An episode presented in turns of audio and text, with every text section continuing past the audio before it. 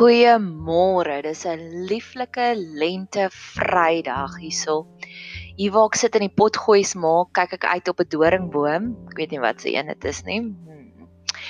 Maar die die boom is nog so leeg en dan kom hierdie groen blaartjies hier uit, nê. So dis 'n pragtige mooi uitsig wat ek het. Ek hou baie van mooi uitsigte. So ek's dankbaar vir oggend vir hierdie pragtige groen doringboom of eintlik bruin doringboom met hierdie stukkies groen daarin. En mag dit ook so in jou lewe wees dat jy die nuwe seisoene begin raak sien en die nuwe lewe begin raak sien. Ek wil bietjie gesels, ek wil my hart uitstort oor mense wat ons probeer verander.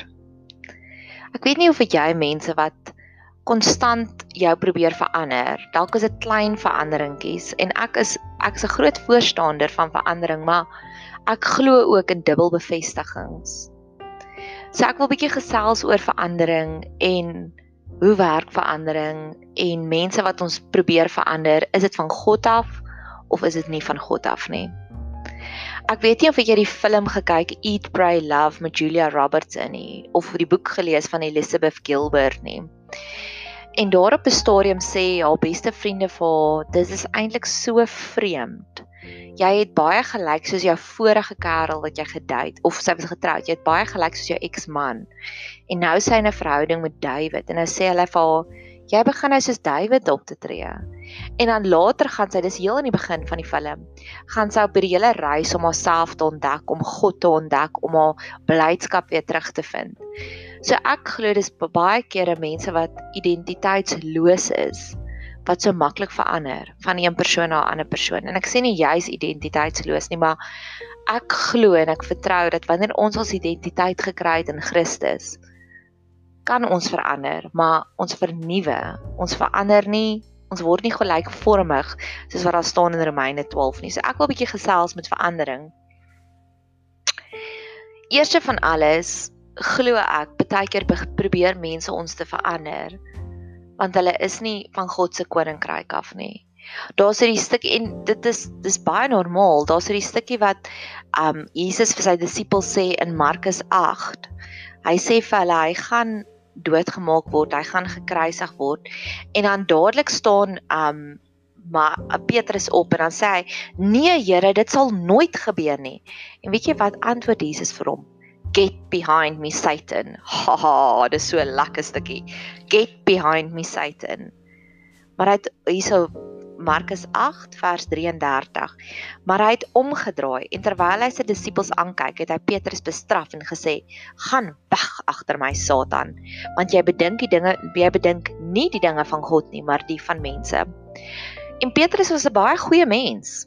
Petrus was eintlik Jesus se favourite disipel of nie favourite disipel nie, maar hy was in sy inner circle, nee, so baie keer is dit regtig waar 'n goeie mens wat slegte eienskappe het en ons moet nie autoriteit neem om daai onderskeid te neem en dit maak nie dat Jesus minder lief was vir Petrus nie maar hy het die slegte die vrotkolletjie gesien in Petrus en uitgesê get behind me Satan en baie keer is dit al wat nodig is is Dalk is dit die persoon regtig waar 'n goeie Petrus wat voor jou staan met uitstekende kwaliteite. Jesus het na Petrus gekyk vanuit die eindproduk. Hy het gesien waar gaan Petrus eindig. Dis hoekom hy gesê het op hierdie rots wat Petrus beteken, gaan ek my kerk bou.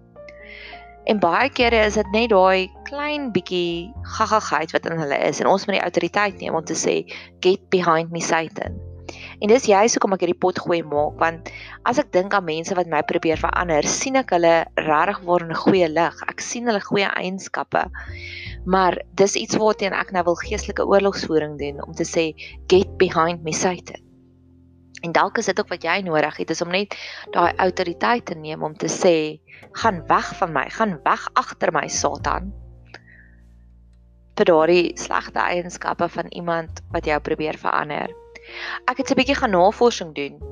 Eers in my eie lewe het ek verlede week nogals intense navorsing gedoen oor mense wat my wel al positief verander het. My ma was nooit baie groot op make-up nie. Sy het hierdie natuurlike skoonheid gehad. Ek dink nie sy het al ooit in haar lewe voordat sy oorlede is, het sy ooit enige onderlaag gehad nie, want sy het 'n mooi vel ge, ge, ja, onderlaag gedra nie.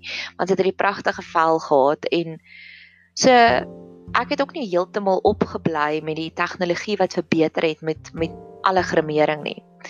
En een van my vriendinne het raak gesien dat die manier hoe ek my wenkbroue doen is nie goed nie. Ek het 'n potloodjie gevat en hom net getrek en baie keer het die potloodjie gesmudge, maar ek is nie 'n poppie nie. Ek is nie 'n tipiese girly girl nie. Ek is baie meer ek's 'n bosmeisie. En my vriendin het dit in 'n raak gesien en die vriendin het ongelooflike baie styl. So as sy na my toe kom en vir my sê, "Weet jy wat? Jou lipstifie werk nie eintlik nie. Sal ek 100% na luister want sy lyk altyd pragtig." En sy het toe nou dit opgetel vir my wenkbroue en ons was vir 'n week lank in die kreer in Junie of Julie. En elke oggend het sy na my toe gekom en sy sê vir my, "Nadia, kan ek jou wenkbroue vir jou doen vir oggend?" En ek sê, "Ja, natuurlik, mamma my, kom." en sy het dit te gedoen en sy het 'n spesiale um wenkbrou kit van, ek dink is van Revlon wat ek eers die wax moet opsit en dan vat jy kwassie en jy verf letterlik jou wenkbroue in. En sy het dit vir 2 dae vir my gedoen en toe sê sy vir my, "Hierso's myne, gebruik myne en dan kan ek jou sommer leer want ek wil jou graag bemagtig om dit te doen. En ek het dit gedoen dan sê sy vir my nee, dit's 'n bietjie te ver hier gegaan, maar sy het dit so gently en sag sagkens gedoen. En toe ons 2 dae terug was in Pretoria, toe kom sy na my toe met hierdie presentjie en dit sy vir my ook so kiet gekoop. En dit was net vir my so wonderlik. Nie net het sy my sy het my sagkens gehelp, sy was eerstens 'n voorbeeld en tweede van alles het sy vir my nog bemagtig ook om te verander. En 'n paar maande later, gisteraand kom my ander vriendin na my toe en sy sê vir my, "Ek sien altyd jou make-up smudge. Hier is vir jou een." En ek sê, "Oh wow, Corine het lof my een gegee, maar dankie." nou het ek sommer twee. So dis hoe ek glo verandering werk. Dis sagkens. Die mense bemagtig jou en eers van alles, hulle is 'n voorbeeld vir jou om op te kyk na. En dan glo ek ook in dubbel bevestigings. Vir soos twee vriendinne wat vir my hierdie nuwe tool gegee het. Daar is verskeie verhale in die Bybel ook waar 'n veranderings plaasgevind het. Johannes, Johannes was Jesus se guns is 'n beloved disciple. Hy's die geliefde disipel. Nou, as ons gaan kyk hoe was Johannes eerste van alles. Hulle het hom en sy boetie genoem die seuns van donder. Want ek sien hulle as daai tipiese karate atties wat sal wat almal net as daar 'n bietjie brandewyn in hulle lyf is, dan wil hulle net met almal karate nê. Dit was Johannes, hy en sy boetie. So ons as jy na Lukas 9 vers 54 tot 56 toe gaan, ek gaan dit sommer vir jou lees, is daar die storie van die Samaritane wys vir Jesus af. Ek gaan sommer van um vers 52 af lees. En boodskappers voor hom uitgestuur en hulle het vertrek en hulle het vertrek en in 'n dorp van die Samaritane gekom om vir hom klarigheid te maak, met ander woorde om hom reg te maak. En hulle het hom nie ontvang nie, hom hulle het vir Jesus nie ontvang nie. So die Samaritane het vir Jesus verwerp. En toe sy disippels Jakobus en Johannes dit sien, sê hulle: "Here, wil U hê ons moet sê dat daar vuur van die hemel afdaal en hulle verteer soos Elia ook gedoen het?" En toe raas Jesus met hulle, nê, nee, want hulle het nou gesê kom ons laat daar net vuur uitkom op hierdie dorpie wat u nou verwerp het. Maar hy draai om en hy bestraf hulle en sê julle weet nie van hoe danige gees julle is nie. Want die seun van die mens het nie gekom om die mense se lewe te verderf nie, maar te red. En hulle het na 'n ander dorp vertrek. So eers sien ons van alles, hy's hierdie karate mannetjie wat net almal wil reg slaan en reg timmer, Johannes, en later sien jy dat hy hy sit langs Jesus met die met sy kop op Jesus se skoot met die laaste maaltyd wat hulle saam gehad het. En as jy deur 1 Johannes, 2 Johannes en 3 Johannes lees, maar veral 1 Johannes, kyk net hoe sagkens praat hy met die mense. Hy praat die hele tyd van liefde. Hy sê die lieflings disipel van Jesus. Hy praat verkeer verskeie kere van liefde en my geliefdes en groter liefde as dit het ons nog nie gekry nie. Dis net hierdie hierdie liefdesbrief vir die mense wat hy geskryf het, nê. Dis net so pragtig. En ek glo dis omdat hy vir 3 jaar lank saam met Jesus gereis het, wat hy besef het maar al hierdie krag en seuns van donder is glad nie meer wie hy is nie. Hy wil eerder die geliefde disipel word, die sagkens disipel. Hy is terloops die enigste disipel wat nie vermoor is nadat Jesus dood is nie. Almal anders is vermoor en hy het in Patmos in die eiland het hy daar gesterf van ouderdom. Dan die tweede verhaal van verandering is die verhaal van Saggeus wat ons kry in Lukas 19. Nou Saggeus was 'n was 'n hooftollenaar, die hoof van die tollenaars en 'n baie ryk man. Maar hy het baie mense ingedoen om daar te kom. En interessant genoeg, 'n paar hoofstukke vroeër in Lukas vertel Jesus vir die ryk jong man hy moet alles verkoop en dan sal hy die koninkryk van die hemele beerwe. Maar as jy deur die hele verhaal van van Saggeus lees, sal jy nie een keer sien dat Jesus het met hom geraas nie. Al wat Jesus hom gesê het is ek wil by jou kom eet. En toe in Jesus se teenwoordigheid en ek het al gehoor dat volwasse gelowiges het 'n genesende teenwoordigheid aan hulle. Net in Jesus se teenwoordigheid sonder dat Jesus met hom geraas het oor almal wat hy ingedoen het. Sê Saggeus sommer. Hy sê: "Here, kyk, die helfte van my goed gee ek vir armes en as ek van iemand iets afgepers het, gee ek dit 4 dubbel terug." Jesus het nie met hom geraas nie. Hy het natuurlik tot daai openbaring gekom van daar sonde in sy lewe en hy wil dit regmaak. So dis die tweede ding van verandering waar ek mense sien wat jou verander. Hulle raas dikwels met jou baie min. Dit is baie baie ongeneig. Maar jy sien net hierdie jy sien net hierdie presence en jy wil verander. En die laaste verhaaltjie wat ek het van verandering is Elia en Elisa. Elisa was vir jare lank Elia se disipel. En voordat Elia opgevaar het na die hemel toe, toe sê Elisa vir hom: "Ek wil dubbel so goed wees soos jy. Ek wil jou dubbele salwingsporsie op jou hê." En baie kere is dit ook hoe verandering gebeur. Dis nie omdat iemand met jou raas nie, dis net bloot omdat jy kyk so op na hierdie mens en jy wens jy wil dubbel die mens wees wat hulle is. Jy is so in admiration mode. En ek het ook al vorentoe gegaan met altar calls En veral as iemand my aangeraak het, as ek kan sien hulle het 'n baie intense salwing. Ek kan dit onthou dat dit verlede jaar gebeur was ons in 'n in 'n diens by Lewende Woord Primeria. En daar was 'n fantastiese prediker. Hy het regtig waar hy dit next level gevat hoe hy die konsepte verduidelik het en ek het gedink, oh, "Maar dis wat ek wil." En ek het vorentoe gegaan, uit 'n alterkol gedoen vir genesing dink ek of deurbrake. En ek het hom gesê, ek wil nie dit hê nie. Ek wil Elia Elisa double anointing hê. Ek wil hê hoe jy die konsepte van uit die Bybel vat en hoe jy dit so regtig laat manifesteer. Ek wil daai anointing hê. So baie kere is dit daai disipel mentorskap wat jy net meer wil meer wil hê van hierdie mense. Jy voel net jy wil meer in hulle teenwoordigheid wees want hulle they rub off on you. Jy sien ek wil nog ietsie sê oor oor verandering en wanneer jy ook dalk in die posisie is van verandering. Onderskeiding van geeste. Is hierdie 'n bose gees wat my probeer verander of is dit 'n godly spirit? En een van my beste klankborde is my een vriendin het verlede week vir my hierdie e-pos gestuur. En God praat daarso en hy sê hy wil hy wil met ons dans. Maar u gee God 'n karakter verskynsel van wie hy is en hy sê I clear away doubt and shadow. I clear away trepidation and sorrow. I clear away despair and self contempt. I clear away comparison and envy. I clear away disease of the heart, the kind that makes you want to pull away from me. So gaan sit en doen 'n stoktyd in jou lewe. Is dit hoe hierdie veranderingsproses vir jou voel? Voel dit vir jou meer bevrydend of voel dit vir jou meer soos 'n werping? Jy's nie goed genoeg nie. Jy moet eers A, B, C en D verander en dan sal ek meer van jou hou. Want as dit is hoe dit vir jou voel, dan kan ek amper vir jou waarborg, dis nie God se gees wat daar opereer nie.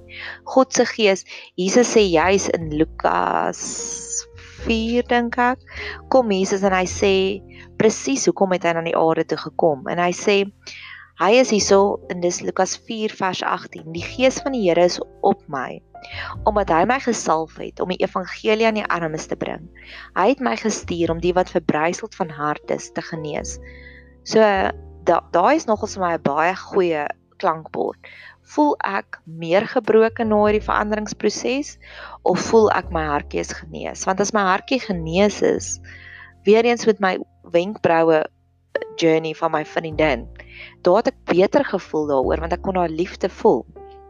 En dan gaan Jesus aan om sy proklamasie en hy sê om gevangenes vrylating te verkondig. So hoe voel jy? Voel jy meer vry na hierdie insident of voel jy asof daar nog 'n tronk om jou gebou is? Voel jy nog meer constricted? En dan die blindens herstel van gesig en om die wat gebroken is in vryheid weg te stuur om die aangename naam van die Here aan te kondig. So voel hierdie vir jou, voel hierdie proses vir jou, jy kry genesing, jy kry herstel, jy kry restoration of voel jy meer gebroken na die insident? Dis nogal vir my 'n goeie klankbord om te onderskei wat se gees opereer hier binne hierdie hierdie persoon wat vir my aanmotiveer om op 'n veranderingsreis te gaan. Laastens, ja, die Bybel sê eyster slyp eyster. Ek stem 100% saam. En dis gewoonlik die mense wat jy probeer verander wat vir jou sê maar die Bybel sê eyster slyp eyster. Maar soms, liewes liefste luisteraar, is jy alreeds eyster, maar dit wat aan jou begin skuur en skaaf, is nie eyster nie. Dis dalk koper. Dis dalk folie of dis dalk skuurpapier. Eyster slyp eyster, ja, maar wat skaaf van jou tans? die laaste ding, ek het al baie intense gebe gebede hieroor gaan doen en dis wat die Here vir my gesê het. Hy het gesê dis moeilik om twee huishoudings te bestuur. Iewers gaan jy iewers moeg raak, jy gaan uitgeput word. En dis wat ek baie keer sien, mense wat jou probeer verander en ek het dit in 'n boek ook gelees van dis gewoonlik 'n leemte binne in hulle. So my advies is boonbehalwe eers om autoriteit te neem, Tweede van alles, bid vir die Here om daardie dat hulle eerder self fokus doen. En Hooglied staan daar vang die klein jakkalsies en sy skryf ook um sy het haar eie wingerd nie versorg nie. En wanneer ons op 'n vliegtuig gaan, moet ons eers ons suurstofmasker op onsself plaas en dan kan ons aangaan om ander mense te help. En dis vir die twee huishoudings bestuur. Dit is moeilik om twee huishoudings te bestuur. Jy gaan iewers die pap op die grond laat val. Jy gaan iewers moeg en uitgeput raak. So bid vir hierdie mense want ek glo elke persoon wat in ons lewe is is hier in ons lewe met 'n doel. Dalk is baie keer is hulle die persoon wat by ons moet leer en ander kere moet ons by hulle leer. En soms moet ons net vir hulle bid. So bid dat die Here werklik waar die kollig op hulle self plaas om te sê maar Hy het so 'n groot roeping vir hulle, soos die Elia Elisa. Dis juis omdat Elia sy roeping so groot uitgeleef het en nie vir almal rondom hom probeer sê die ander huishoudings te probeer manage nie. Hy het sy eie huishouding so goed bestuur dat sy dat sy student het na hom toe gekom en gesê ek wil 'n dubbele porsie hê wat jy het. En weer eens dit kom weer terug by die Eat Pray Love storie. Net wanneer ons ons eie identiteit en ons eie authenticity so goed uitleef, dis wanneer ander mense na ons toe gaan stap en sê ek wil hê wat jy het. So mag jy 'n geseënde reis hê en mag jy meer vrylating kry na hierdie pot gooi.